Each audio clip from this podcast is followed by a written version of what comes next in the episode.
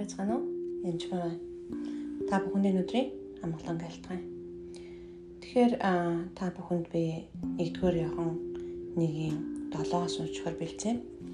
Тэгээд гимшил дээр өчтөр бас би подкаст хийсэн байгаа. Зарим үед гимших албатай биш ээ гэж хэлсэн. Тэгээ бас буруу ойлгоцаа гимших нь буруу ч юм уу тэгсэн тайлбар биш шүү. Гимших нь бол зөв зүйл. А гэхдээ яаж хизээ гимших вэ гэдэг чухал зүйл заримдаа санан дурсна, заримдаа гимшин, заримдаа талархна. Ер нь бол үргэлж талархах хэрэгтэй л доо. Тэгэхээр аливаа багжин дээр жишээлбэл би хадаа садах надад алах хэрэгтэй. Харин мод хөрөөдөхөд хөрөө хэрэгтэй. Хөрөө барьчаад хадаа садах гэж оролдох юм уу? Алах барьчаад мод хөрөөдөх гэж оролдох нь зөв зохистой зүйл биш. Таны ажил уршаа явахгүй.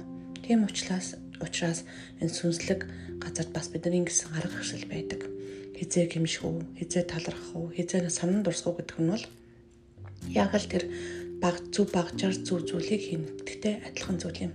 Тийм учраас юмд болол гимш гимш гэдэг хүмүүс байдаг л да. Үнэхээр гимших зүйл байхгүй үед гимших шаардлага байхгүй яг үнэндээ. Би танд хэлж өгье. Нэгдүгээр явах нэгийн 7. Харин тэр өөрөө гэрлийн дотор байдагчлан бид гэрлийн дотор явбал бид бие биентэйгээ нөхөрлөж түүний хүү Есүсийн цус биднийг бүх нүглээс цэвэрлэг ажээ. Тэр үнэхээр Есүс Христ захалмаатай цавдлагдах үед түүний цусаар бид бүх гим нүглээс цэвэрлэгдсэн байгаа. Тэр бүх гим нүглээс шүү. Үүнийг харин хүлээж авах хэрэгтэй. Есүсийг хүлээж авч авах үед энэ бүх процесс багтдаг буюу бүх гим нүглээс цэвэрлэгддэг. Тэгэхээр дараа нь яг энэ ишлэлийн дараа 8 дугаар шилтер бид нүгэлгүй гэж хэлбэл өөртөө мэхэлж байгаа бөгөөд бидний дотор үнэн алга бид нүглээ улаавал итгэмж зөвдрээр нүглийн минь уучилж бүхий л зүг усаас бидний цэвэрлэнэ гэж байгаа. Энэ юу болчихвэ гэдэг асуудал. Тэр сүнсэн дотор бол хурны цусаар цэвэрлэгдээд нэгсэндээ би яг бид бурхантай нэг болж бурхан биднийг харахтаа цэвэр ариун Иесусийн цусыг хараад цэвэр ариун яг гэсэндээ бог хэртэй мэг богор угаадаг. Янз бүрийн химийн бодис орчим эсвэл савнгаар угаадаг. Ариуцгадаг усаар угаагаад тэр нь хэр бүртгэн харилдаг. Тэгвэл сүнслэг ертөнцид яат юм бэ гэхээр гим нүгэл буюу өсөн тэр хэр бүртгийг хэр цусаар угаад цэвэрлдэг байна. Тэгэхээр хуучин гэрээндэр бол амьтын цусаар угаад цэвэрлдэг байсан бол шинэ гэрээг буюу цоошин гэрээгээр Иесус Христийн цусаар угаасан бөгөөд дахин даг хумгаах шаардлагагүйгээр нэг мөсөн бүрэн цэвэрлэгдсэн байна. Та харин энийг хүлээж авч амандаа тулж үнэхээр хүлээж авах үед Иесусээс итгэгч болж байгаа. Цоошин бүтээл болж байгаа бид Хэдий тийм боловч гэсэн бидний сэтгэл буюу махан бие дотор цэвэрлэгдэх буюу шинжлэхдэх шаардлагатай юм байна. Нэгсэндээ бид бидний өнгөрсөн одоо ирээдүйг бүх гэм нүглийг Иесус ирсэн тусаар цэвэрлэж байгаа. Гэвтэл нүгэлт нь нүгэлтний гэм гэж байна. Нүглийн гмийн асуудлыг Иесус Христ шийдсэн. Харин нүглийг харин нүгэлтэн буюу бид нар нүгэл хийдэг асуудал байгаа. Тагтлагаан дорн ба янз бүрийн оюун бодлууд өдөр бид нар нүгэл хийдгүү гэжлүүл худлаа хэлсэн гэсэн үг бид нүгэлгүй гэж хэлэл үнэхээр өөртөө мэхэлж байгаа хэрэг. А энэ гимжилтийн процесс хинд зориулагддаг юм гэхээр биднэр зориулагдаж байгаа. Бид гимших үед бид гимших үед өөрийгөө дараалсан болоод би ийм асуудал бурхны өмнө хийлээ шүү, буруу шүү, эзэн минь гэд улаах үед энэ бүхэн болж байгаа.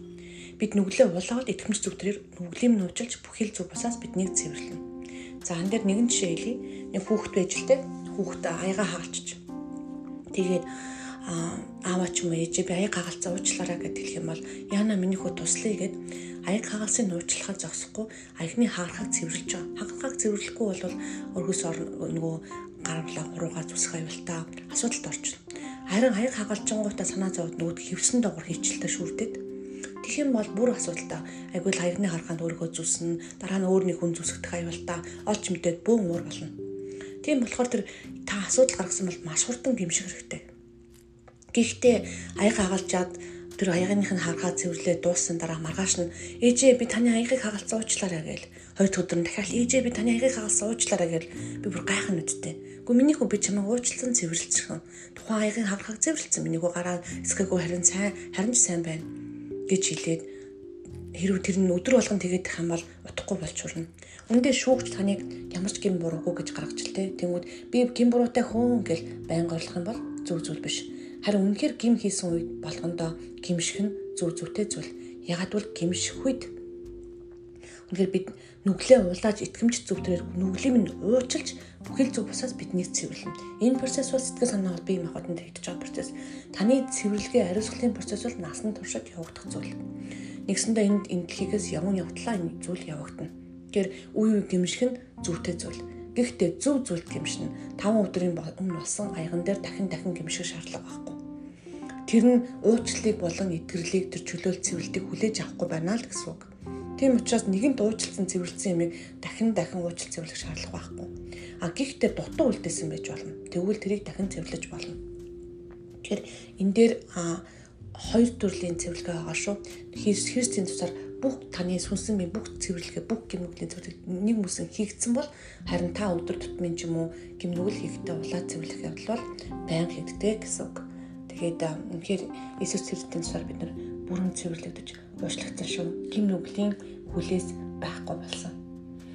Гэхдээ гимтний буюу асуудлууд байгаа учраас бид гимшиж байх нь зөв зөвтэй зүйл. Баярлалаа.